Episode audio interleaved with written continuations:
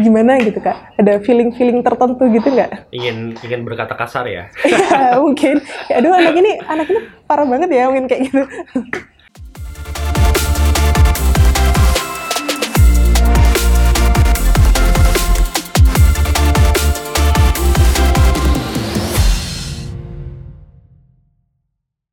Squad, welcome back to Alpha Podcast, tentunya di segmen Ruang Kreatif.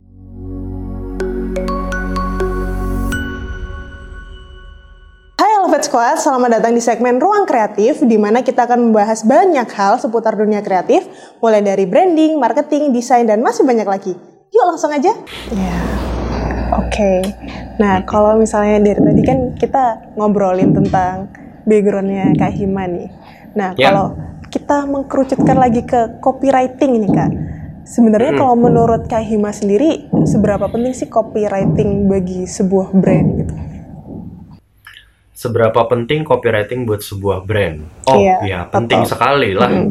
Eh, karena eh, karena again kalau kita ngomongin eh, brand marketingnya dari Seth Godin atau kita ngomongin dari David Ogilvy gitu, eh, brand itu kan sebenarnya terdi itu kan payung brand Iya. itu. Eh, turunannya banyak banget ada brand identity, ada brand personality, brand identity juga turunannya banyak lagi. Ada color, ada logo, ada Iya, font. eh, ada font, typeface, v- uh, visual semuanya salah satunya copywriting atau Iya. ya konten gitu. Nah, jadi kalau misalkan ditanya seberapa penting copywriting ya itu bukan penting tapi memang bagian dari Harus brand. banget ya, iya. Iya, jadi kalau misalnya brand dia dia nggak tahu nih, oh em, copywritingnya kayak gimana ya, enaknya apakah kita pakai huruf kapital semua Mm-mm. gitu, eh, atau kita pakai tanda seru semua biar kayak teriak gitu, itu kan juga Iya. ada ada guideline-nya gitu. Jadi ya jawaban singkatnya penting, Iya, pasti penting ya. Mm-mm, pasti Iya. penting. Nah, kalau untuk copywriting sendiri nih Kak, sebenarnya ada nggak sih kayak kategori atau jenis-jenisnya gitu kan? Pastinya juga beda juga ya dari UX writing ya. Mm-mm. Yap, eh, tentu beda kalau copywriting kan buat jualan. Mm-mm. Uh, UX writing ya kamu nulis di komponen UI untuk uh, aplikasi. Uh, kalau copywriting apakah ada jenis-jenisnya? Ada. Uh, ini saya juga tahu dari LinkedIn Learning ya. Itu ada salah satu profesor ini saya lupa namanya. Jadi dia bilang ada beberapa gaya kepenulisan copywriting yang uh, biasanya dipakai oleh tim marketing. Mm-mm. Jadi itu nama-namanya banyak tuh. Ada Iya. namanya scare tactic, ada laughing, eh sorry laughter, ada teaching, ada juga uh, storytelling, ada juga hard sell copywriting. Nah, itu itu baru permukaan tuh, baru lima yang saya ingat. Sisanya ada 20 berapa gitu. Uh, dan itu masing-masing ada tekniknya tuh. Kalau mau pakai hard sell, itu pakai apa? Uh, misalkan pakai angka atau pakai tanda seru uh, untuk ada sense of urgency dan juga pakai misalnya uh, scarcity factor. Jadi biar orang ngerasa produk ini tuh jarang sekali diproduksi sehingga kamu harus beli sekarang karena kalau nggak nggak akan dapat lagi. Nah itu kan ada Mm-mm. ada hard sell di situ, agak agresif dia. Beda sama storytelling. Nah, itu ada mesinnya juga. Itu pakai teknik kita pakai segitiganya eh, piramidanya narasi eh, saya lupa em, Aristoteles kalau nggak salah. Jadi itu ada logos, pathos sama ethos di mana kita harus tahu dulu eh, logika manusia tuh kayak gimana. Terus kira-kira apa yang bikin mereka tertarik untuk beli produk kita. Sama satu lagi dari segi kontennya kenapa kita harus jualan ke mereka? Kenapa bukan ke orang lain gitu? Nah itu ada ada ada teorinya juga tuh. Itu Iya. saya harus lihat lagi bukunya lah pokoknya. Em, tapi intinya ya gaya copywriting itu banyak. Karena kan copywriting kalau kita mau jualan kita harus tahu dulu kita jualan buat siapa betul ya Em, Iya, benar. terus kita harus tahu dulu jualan jualannya itu mau di di daerah mana kalau kita mau ngomongin regional apakah di Iya. Indonesia di luar Indonesia di Indonesia juga em, Di daerah apa mana? namanya Di Iya di apa? daerah mana Mm-mm. misalnya. Em, jadi eh, kita harus tahu dulu itu semua baru disesuaikan sama berbagai teknik copywriting yang ada. Iya, kan kalau ngomongin tentang teknik copywriting kan sebenarnya juga luas ya, skopnya juga banyak, teori-teorinya juga banyak. Cuma kan kadang ada mungkin di beberapa perusahaan itu belum apa ya mungkin belum terlalu aware sama copywriting yang dikira kayak oh ini tolong buat judul ini langsung seret hmm. tolong buat uh, apa ya headline untuk ini padahal kita kan juga hmm. harus apa ya butuh perlu waktu lah istilahnya untuk kayak yeah. meneliti ini tuh uh, tujuannya, sasarannya, targetingnya itu ke ke mana gitu kan. Nah Betul. kalau untuk Betul. di uh, tempat Mas Hima kerja nih, itu untuk apa ya workflownya seorang copywriter itu bisa diceritain nggak kayak gimana mas? Biasanya kan ada kayak mungkin ada beberapa perusahaan yang cuma satu orang nih untuk copywriternya atau enggak kan biasanya ada yang tim yang melalui beberapa proses gitu kan. Mungkin bisa hmm. diceritain. Ya, Uh, Oke, okay. ini saya hmm, share waktu saya jadi copywriter kali ya, karena sekarang saya bukan copywriter. Jadi waktu itu uh, under team marketing. Jadi tim marketing itu biasanya kan dia memang uh, punya inisiatif dulu, dia punya campaign, punya program. Kira-kira dalam satu campaign itu kita mau uh, ngeblas konten-konten apa aja. Apakah bentuknya harus selalu iklan? atau kita bisa pakai uh, customer retentionnya itu pakai newsletter misalnya atau bahkan pakai SMS um, uh, lewat lewat ya lewat pesan singkat gitu yeah. itu kan banyak sebenarnya funnelnya um, nah kalau waktu itu biasanya yang pertama kali mencetuskan ide atau kebutuhan apakah butuh copywriter atau tidak itu biasanya PMM, Product Marketing Manager. Mm-hmm. Jadi Product Marketing Manager ini nanti kan dia akan dia nentuin tuh kampanyenya gimana. Kita kita ada produk baru nih guys, uh, terus dia nanti akan ngasih GTM strategi namanya, go to market mm-hmm. strategy, di mana di dalam GTM itu kita bisa ngeliat tuh, oh produknya akan disebarkan di daerah mana, mm-hmm. uh, dari kapan sampai kapan, budgetnya berapa, uh, funnel marketingnya apa aja, orang-orang yang terlibatnya siapa aja gitu. Jadi di situ semuanya harus ada. Um, nah ya udah dari PMM uh, biasanya nanti akan turun dulu ke tim uh, ininya apa uh, creative director. Mm-hmm. Jadi creative director itu di brief. Um, uh, halo Pak Creative Director, kami dari PMM ini punya program. Kampanyenya itu salah satunya bikin iklan TV. Nah, nanti akan produksi uh, dari tanggal segini sampai segini dan kira-kira akan rilisnya di TV tak akan tanggal sekian gitu. Nah, terus ya udah dari situ kreatif directornya nanti akan meeting tuh ngumpulin anak-anaknya. Woi ayo ayo sini ngumpul-ngumpul. Kita dapat campaign baru nih gitu. uh, terus nanti kita uh, si kreatif director itu ngasih tahu. Jadi di situ ada uh, apa namanya um, art art uh, visual uh, sorry sorry graphic designer susah banget graphic designer. yeah. Terus uh, biasanya ada juga uh, videographer lalu hmm. ada fotografer kalau misalnya memang butuh sama copywriter. Yeah. gitu. Sama mungkin satu lagi social media admin kalau nanti di mm di social media juga gitu. Nah yaudah jadi dari lima anak-anak itu uh, nanti dibagi tuh. Oke okay, uh, eh, Himawan ngerjain kopinya ini nanti briefnya kayak gini.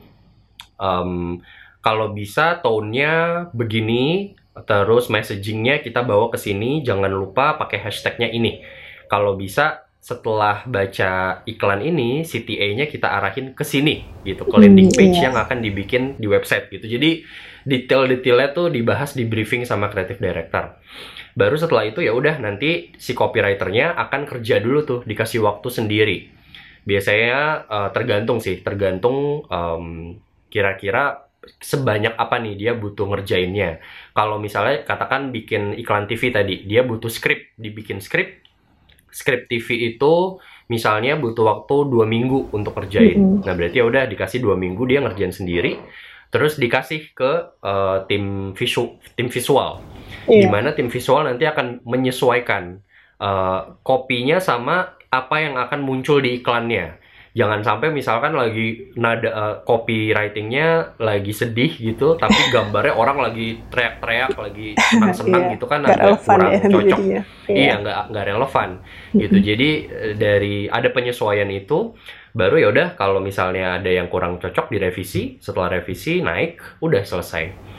Gitu sih biasanya. Jadi ada beberapa tim eh sorry beberapa orang yang terlibat memang. Kalau untuk apalagi iklan ya. Iklan itu yang cukup banyak tuh keterlibatannya Em, kalau contohnya tadi iklan TV berarti dia butuh videographer sementara kalau cukup banner itu mungkin cuma eh, graphic designer aja gitu Tapi eh, selama Kak Hima pernah menjadi copywriter nih, itu Mm. paling lama durasi Mm. untuk kayak suatu project copywriting ini paling lama itu berapa lama, Kak?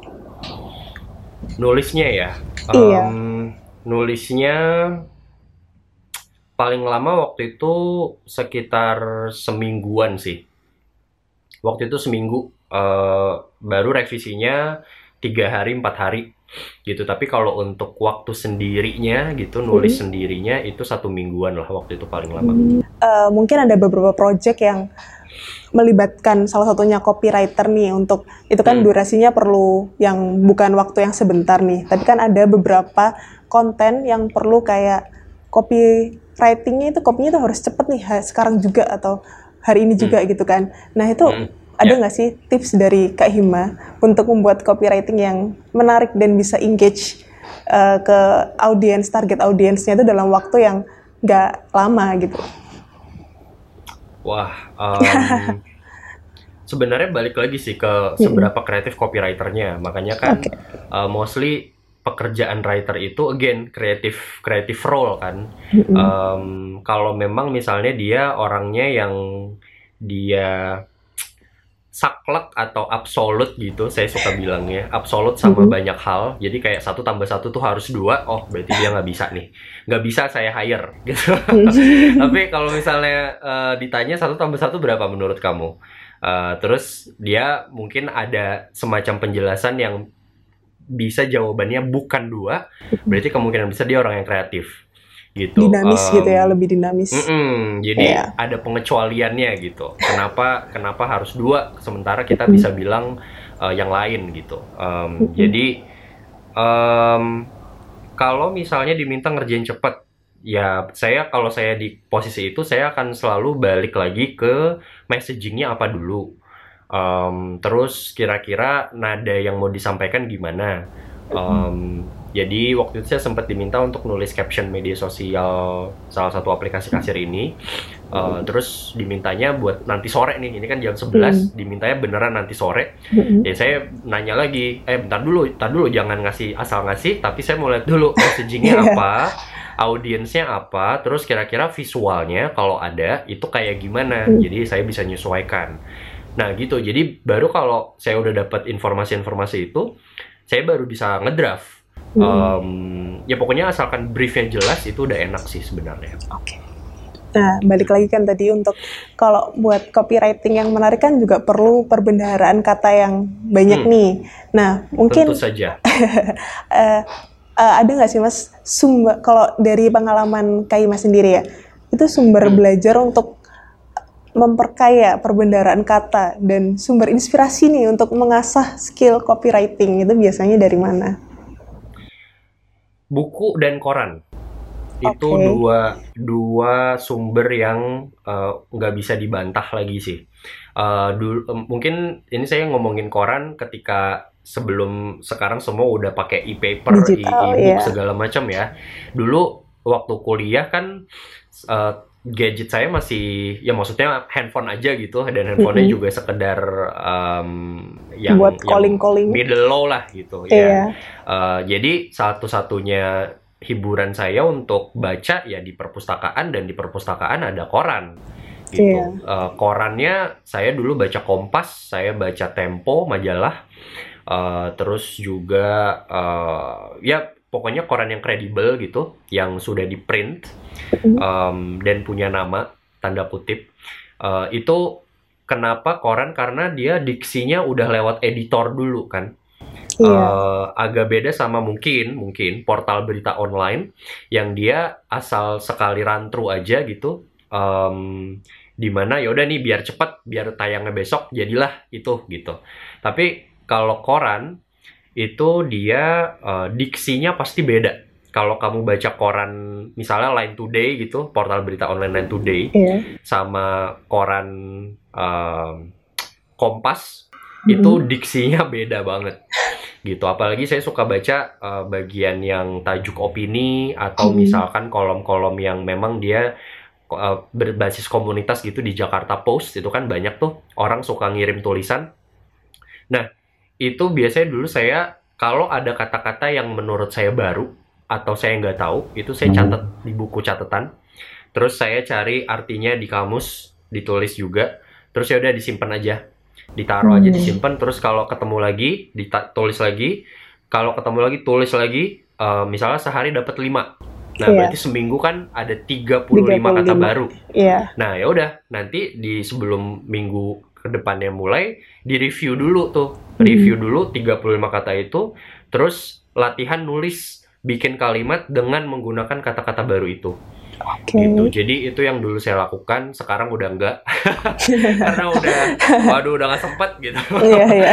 Tapi dulu karena masih rajin dan masih seneng baca, eh, Iya. seneng banget baca gitu, jadi dilakukan gitu. Tapi awal-awal yang saya lakukan itu tuh itu dan menurut saya itu cukup efektif untuk nambah kosakata. Oh ya, boleh-boleh nanti dicoba. Mm-mm, silakan. Iya. Banyak juga, sorry, banyak juga yang pakai ini flashcard. Uh, ada kartu. Kalau Mhm. du- kalau kita belajar bahasa Inggris kan biasanya gurunya pakai flashcard kan. Coba ini apa? Iya. Ini apa? Iya, ini apa benar-benar. gitu kan. Iya, iya, iya. Nah, itu itu sebenarnya bisa kayak gitu juga. Jadi kalau kamu nggak mau pakai buku gitu, kegedean, pakai flashcard aja. Terus tiap hari diliatin satu-satu. Oh ini ini apa? Terus ditutup lagi, dihafalin, buka lagi, tutup lagi gitu. Jadi Mm-mm. flashcard bisa membantu juga. Oke, thank you infonya, Kak.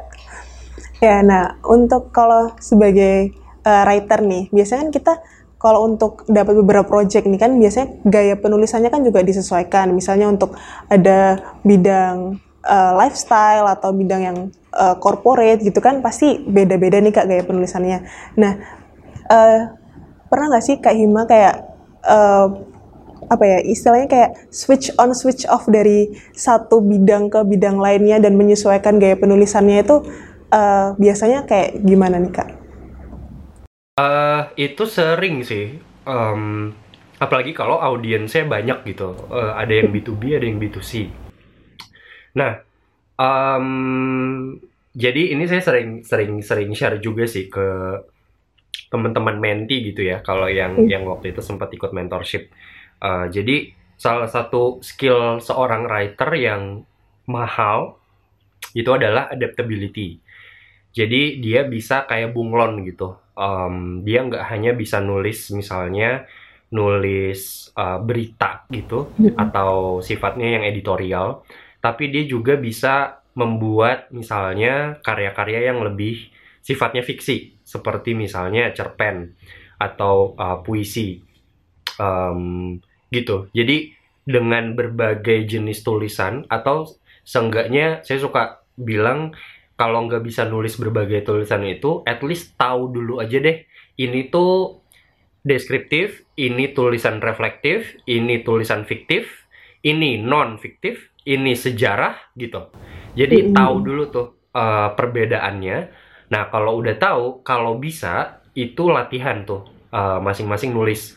Kamu misalnya nulis uh, deskriptif, katakan ambil satu objek di sekitar kamu yang sekarang gitu, terus dijelasin aja di dalam tulisan. Misalkan sekarang depan kamu, depan saya kamera nih kamera ini warna hitam. Saya belinya di mana dengan harga ini. Jadi tulis aja apa pun yang tentang si, si barang itu. Nah, itu ngelatih deskriptif misalnya. Nah, terus misalkan kamu lihat lagi nih ngerambah eh, niche lain istilahnya. Niche-nya misalnya mau eh, nulis tentang eh, nulis puisi gitu. Nah, itu berarti kan harus tahu rima, harus tahu aliterasi, harus tahu metafora.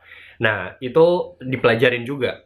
Nah, dengan kita tahu banyak uh, niche dalam penulisan, itu ilmu kita semakin mahal. gitu. Jadi uh, mau kita nulisnya buat korporat, mau nulisnya buat anak remaja, post milenial, mau nulis buat anak kecil 3 tahun, karena kita udah punya pengetahuan yang ekstensif soal berbagai genre, jadinya kita gampang nih, tinggal kita masukin aja nih kaki kita mau masukin ke mana. Oh, oh kalau buat uh, nulis yang orang tua, kakinya masukin ke kolam ini eh tapi sebelah kiri harus nulis juga nih buat kolam yang lain ya masukin aja kakinya ke sebelah gitu jadi harus punya banyak kaki untuk bisa ada iya oke okay. jadi kalau misalnya untuk menulis copywriting nih itu hal hmm. yang paling penting nih menurut Kak Hima itu apa sih? Untuk menulis copywriting tahu iya, dulu audiensnya siapa? Uh, jadi nggak mungkin kamu jualan um, jualan produk untuk semua orang di dunia itu nggak mungkin. Di dunia juga uh, di mana gitu? Apakah kamu mencakup uh, ya benua-benua tertentu atau enggak? Kayak tadi di yeah. Indonesia misalnya di Indonesia aja. Indonesia di mana?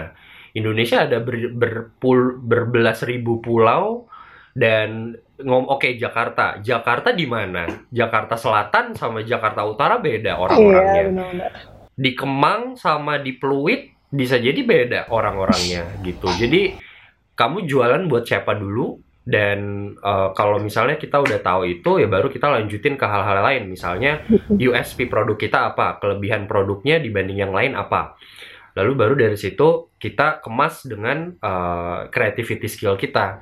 Uh, gimana caranya produk ini nih misalkan yang menurut orang lain tuh ah membosankan tapi dengan kemampuan kita menulis kreatif kita jadi bisa membuat iklannya wah orang tertarik gitu dan itu yang yang membuat seorang copywriter bisa jadi mahal. Kamu benar-benar harus apa ya banyak-banyak mengasah skill ya. Nggak nggak cuma kayak uh, dari lingkungan kerja tapi dari diri sendiri juga istilahnya ada niat lah untuk terus mengembangkan skill. Nah, uh, kalau dilihat nih dari tulisan-tulisannya Kak Hima, entah itu di LinkedIn atau di Instagram gitu kan, itu kan kadang ada yang pakai bahasa Indonesia, ada yang pakai bahasa Inggris gitu kan. Sebenarnya kalau hmm. dari Kak Hima sendiri ini lebih enjoy nulis hmm. itu pakai bahasa Inggris atau bahasa Indonesia? Kalau uh, itu Kak Hima dulu kan juga lulusan sastra Inggris ya? Mm -mm. Iya, iya, betul. uh, iya Sebenarnya kalau ditanya enjoy, saya lebih suka itu nulis bahasa Inggris karena okay. dulu kalau uh, meskipun bahasa Inggris itu digunakan ketika uh, untuk tulisan yang sifatnya akademis ya. Jadi kan dulu tugas kuliah uh, ya nulis bahasa Inggris. Uh, skripsi meskipun skripsi bahasa Indonesia sih, tapi tugas-tugasnya bahasa Inggris semua. Yeah. Paper bahasa Inggris gitu. Jadi pas ke sini sini pas sudah lulus, um, jadi karena mindsetnya udah oh ya udah ini saya nulisnya dalam grammar bahasa Inggris mindset bahasa Inggris jadi lebih nyamannya bahasa Inggris okay. tapi seiring berjalannya waktu saya juga melihat um, apa namanya saya mulai menyeimbangkan nih kayaknya kalau bahasa Indonesia uh, saya nulis dalam bahasa Indonesia itu orang-orang kayaknya lebih banyak pahamnya gitu dibandingkan nulis bahasa Inggris iya, iya. karena uh, iya untuk untuk apalagi kalau misalkan niat niatan saya ya tadi misalnya mau sharing ilmu uh, tapi dalam bahasa yang bisa jadi banyak orang yang belum familiar iya, itu iya. kan ya sama aja bohong gitu kan jadi um, sekarang saya nulis bahasa Inggris itu untuk sesuatu yang sifatnya personal aja jadi kayak ya ya any kontemplatif atau reflektif blog gitu. Yeah. Tapi kalau yang sifatnya yang agak uh, educational atau informational saya pakai bahasa Indonesia. Um, iya gitu kali ya. Jadi yeah. ditanya enjoy yang mana, dua-duanya enjoy tergantung uh, tergantung kebutuhan dan kebutuhan. Iya. betul betul betul. Iya. Nah untuk uh, Kak Hima sendiri ini kan uh, balik lagi udah sering nih jadi speaker dan juga pernah jadi tutor. Nah pasti kan uh, di zaman now ini era milenial dan Gen Z ini kan juga banyak nih anak-anak yang tertarik untuk uh, masuk ke bidang penulisan gitu kan. Masih ada yang belajar, mungkin juga ada yang udah expert nih.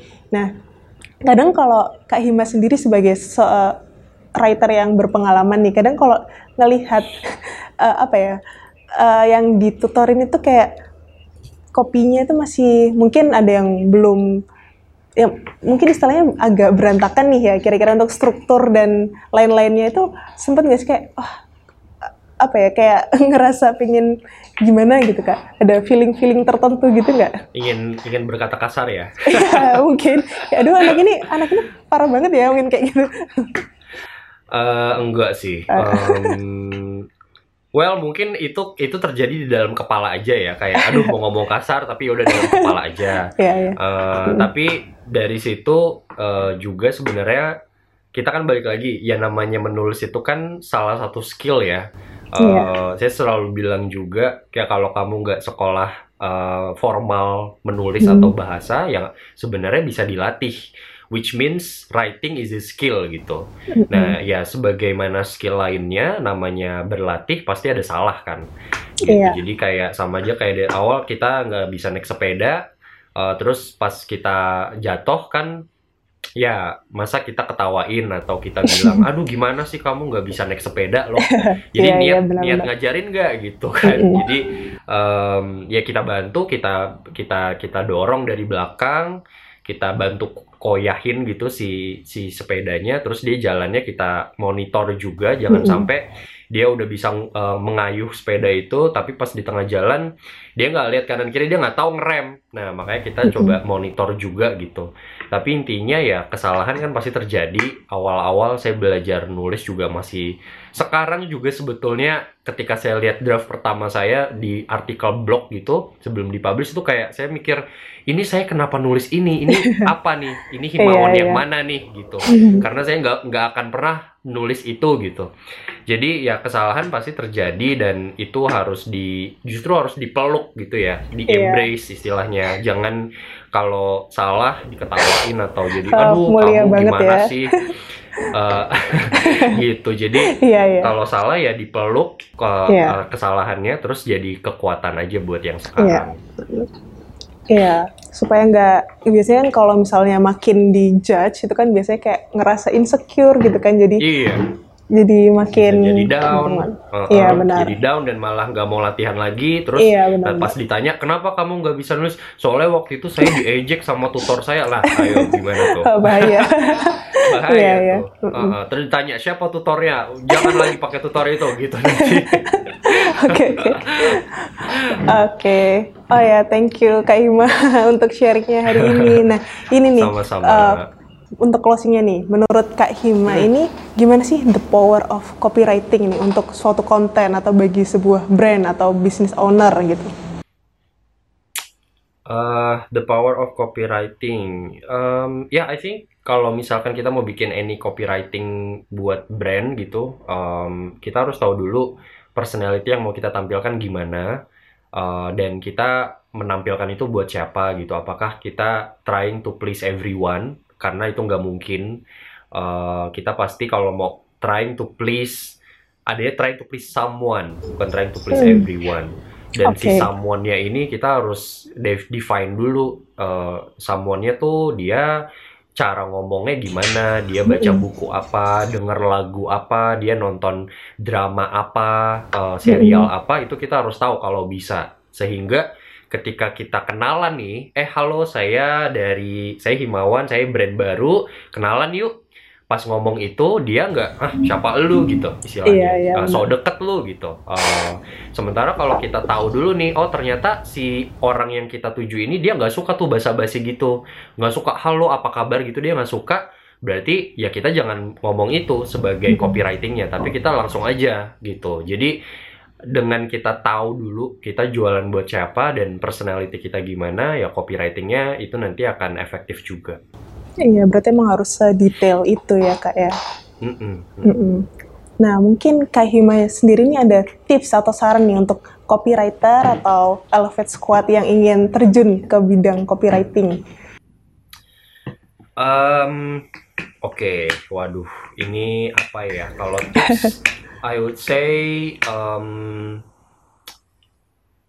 banyakin belajar. Uh, maksudnya jangan jangan puas, jangan cepat puas. Uh, karena ketika namanya nulis itu kadang suka terjebak tuh uh, oh ini saya nulisnya oke okay terus nih terus jadinya berhenti gitu. Berhenti observation berhenti tadi uh, belajar kosakata baru mm-hmm. terus berhenti baca gitu berhenti nulis. Karena yakin bahwa selama ini tulisan yang dilakukan itu udah oke okay, gitu. Padahal kita masih bisa improve kan. Uh, pasti ada yeah. lobang gitu yang masih harus ditutup.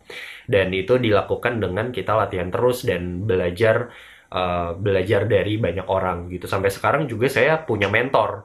Saya punya guru gitu. Dan mentornya teman saya sendiri gitu. Jadi okay. meskipun uh, apa namanya uh, menti-menti yang sama saya itu sebelumnya Kak Himawan punya mentor nggak sih? Uh, saya selalu bilang ya selalu punya gitu. Karena yang namanya tadi misalkan kita mau menuju menuju expert gitu tanda kutip meskipun nggak tahu kapan sampainya sampai atau enggak. Mm -hmm. itu ya nikmatin aja dulu prosesnya dan cara nikmatin prosesnya adalah dengan kita share sama orang lain. Dan uh, ya salah satunya belajar terus dan punya mentor. Itu sih paling. Iya. Oke. okay. Um, mungkin dari Kak Hima ada yang mau disampaikan nih ke Elevate Squad? Mungkin mau promosi UX writing set night oh. campnya atau waduh. Iya. Emang boleh? Oh boleh banget boleh boleh. Waktu dan tempat um, dipersilahkan. waduh baiklah. Mumpung okay. dikasih nih ya mumpung dikasih yeah, tempat. boleh uh, boleh. Iya jadi oke okay, saya eh, sekarang lagi menjalankan program edukasi ini. Namanya UX Writing Night Camp. Jadi Uh, seperti namanya saat night camp uh, camp malam minggu. Diadakan kelasnya ini malam minggu. Kelasnya gratis untuk okay. sekarang. Uh, yeah. topiknya apa aja? Uh, macam-macam. Uh, basically tentang menulis kreatif dan spesifik uh, generically tentang UX writing. Gitu. Di dan uh, kita juga akan latihan nulis sih nggak uh, hanya saya ceramah gitu satu kuliah okay. satu arah mm -hmm. tapi juga akan ada latihan banyak banget jadi ya hopefully um, kalian bisa mempertimbangkan untuk ikut kalau memang mau memperdalam skill di bidang writing atau specifically UX writing gitu kali ya caranya yeah. caranya itu bisa follow uh, at UXW Satnet Camp atau kalau misalnya bingung uh, pengejaannya di mana itu nanti lihat di sini enggak ya oh nanti bisa diedit di sini uh, uh, atau enggak uh, lihat Instagram saya aja di @himawanprd itu di bio ada uh, link ke Instagramnya UX Setting Camp. Terima okay. kasih. Oke, okay, nah kan ini kan uh, UX Rating Campnya kan udah berjalan beberapa hmm. waktu nih kak. Nah kalau untuk yeah. yang baru mau join ini masih apa ya nggak ketinggalan atau gimana ya? Bisa masih bisa Enggak kan ya? dong. ya? Iya, masih okay. bisa masih yeah, bisa okay. karena tiap kelas itu uh, dia kelas-kelasnya uh, levelnya beda-beda. Okay. Jadi ada yang beginner, intermediate sama advance dan itu tiap minggu kelasnya diacak tuh. Kadang minggu hmm. pertama beginner, tiba-tiba minggu kedua advanced gitu. Uh, minggu ketiganya intermediate, bisa lagi balik hmm. lagi ke beginner gitu. Jadi uh, daftar kelasnya udah ada di Instagramnya. Hmm. Jadi kalau misalkan kamu mau menyesuaikan nih, aduh kayaknya topik ini ketinggian atau saya hmm. atau sekedar penasaran gitu. Ini advance tapi saya penasaran meskipun saya tahu saya nggak ngerti nanti ikut aja lah dulu. Itu lihat aja di Instagramnya itu udah ada kelasnya semua. Oke, kalau gitu nanti aku daftar ya kak. Mantap, boleh. Iya. Iya. Oh, sebenarnya mau bahas dikit nih kak untuk bio Instagramnya hmm. Kak Hima nih itu mm. kan kayak open bisa DM kapan pun dan kenapa open DM itu gimana sih ceritanya kok bisa open DM oh, gitu? Maksudnya DM apa pun bisa dibalas iya, ya? Iya, iya uh, Wah, sebenarnya itu lebih ke hmm. kalau misalnya ada orang yang misalkan mau consult atau mau nanya-nanya nih seputar kan banyak tuh belakangan hmm. saya juga sempat ditanya uh, mereka mau bikin portofolio atau misalnya mereka lagi mereka baru jadi UX writer gitu, UX writer junior. Yeah. Terus mereka kesulitan nih uh, kira-kira gimana ya menghadapi senior-senior di kantor. Itu uh, kalau misalnya mereka mau nanya-nanya gitu atau mau sekedar ngobrol uh, sama saya soal portofolio atau any kind of uh, project gitu, mm -hmm. itu ya di DM aja gitu. Jadi okay. maksudnya biar lebih kayak saya nggak tertutup gitu kalau mau nanya yeah. lewat DM juga nggak apa-apa iya gampang gitu untuk reach out lah ya iya mm -mm. Oke, okay, kalau gitu thank you banget buat Kak Hima udah menyempatkan waktunya di sela-sela kesibukan untuk jadi guest di Elpot Podcast ini. Semoga juga. kontennya bermanfaat, menginspirasi juga. Iya. Amin. Uh, Terima kasih juga Denia dan tim Elevate untuk karena sudah mengundang. Jangan yeah. bosan-bosan. Iya, semoga, semoga bisa uh, kerjasama lagi di next project ya kak ya. Siap. Oke, okay, thank you.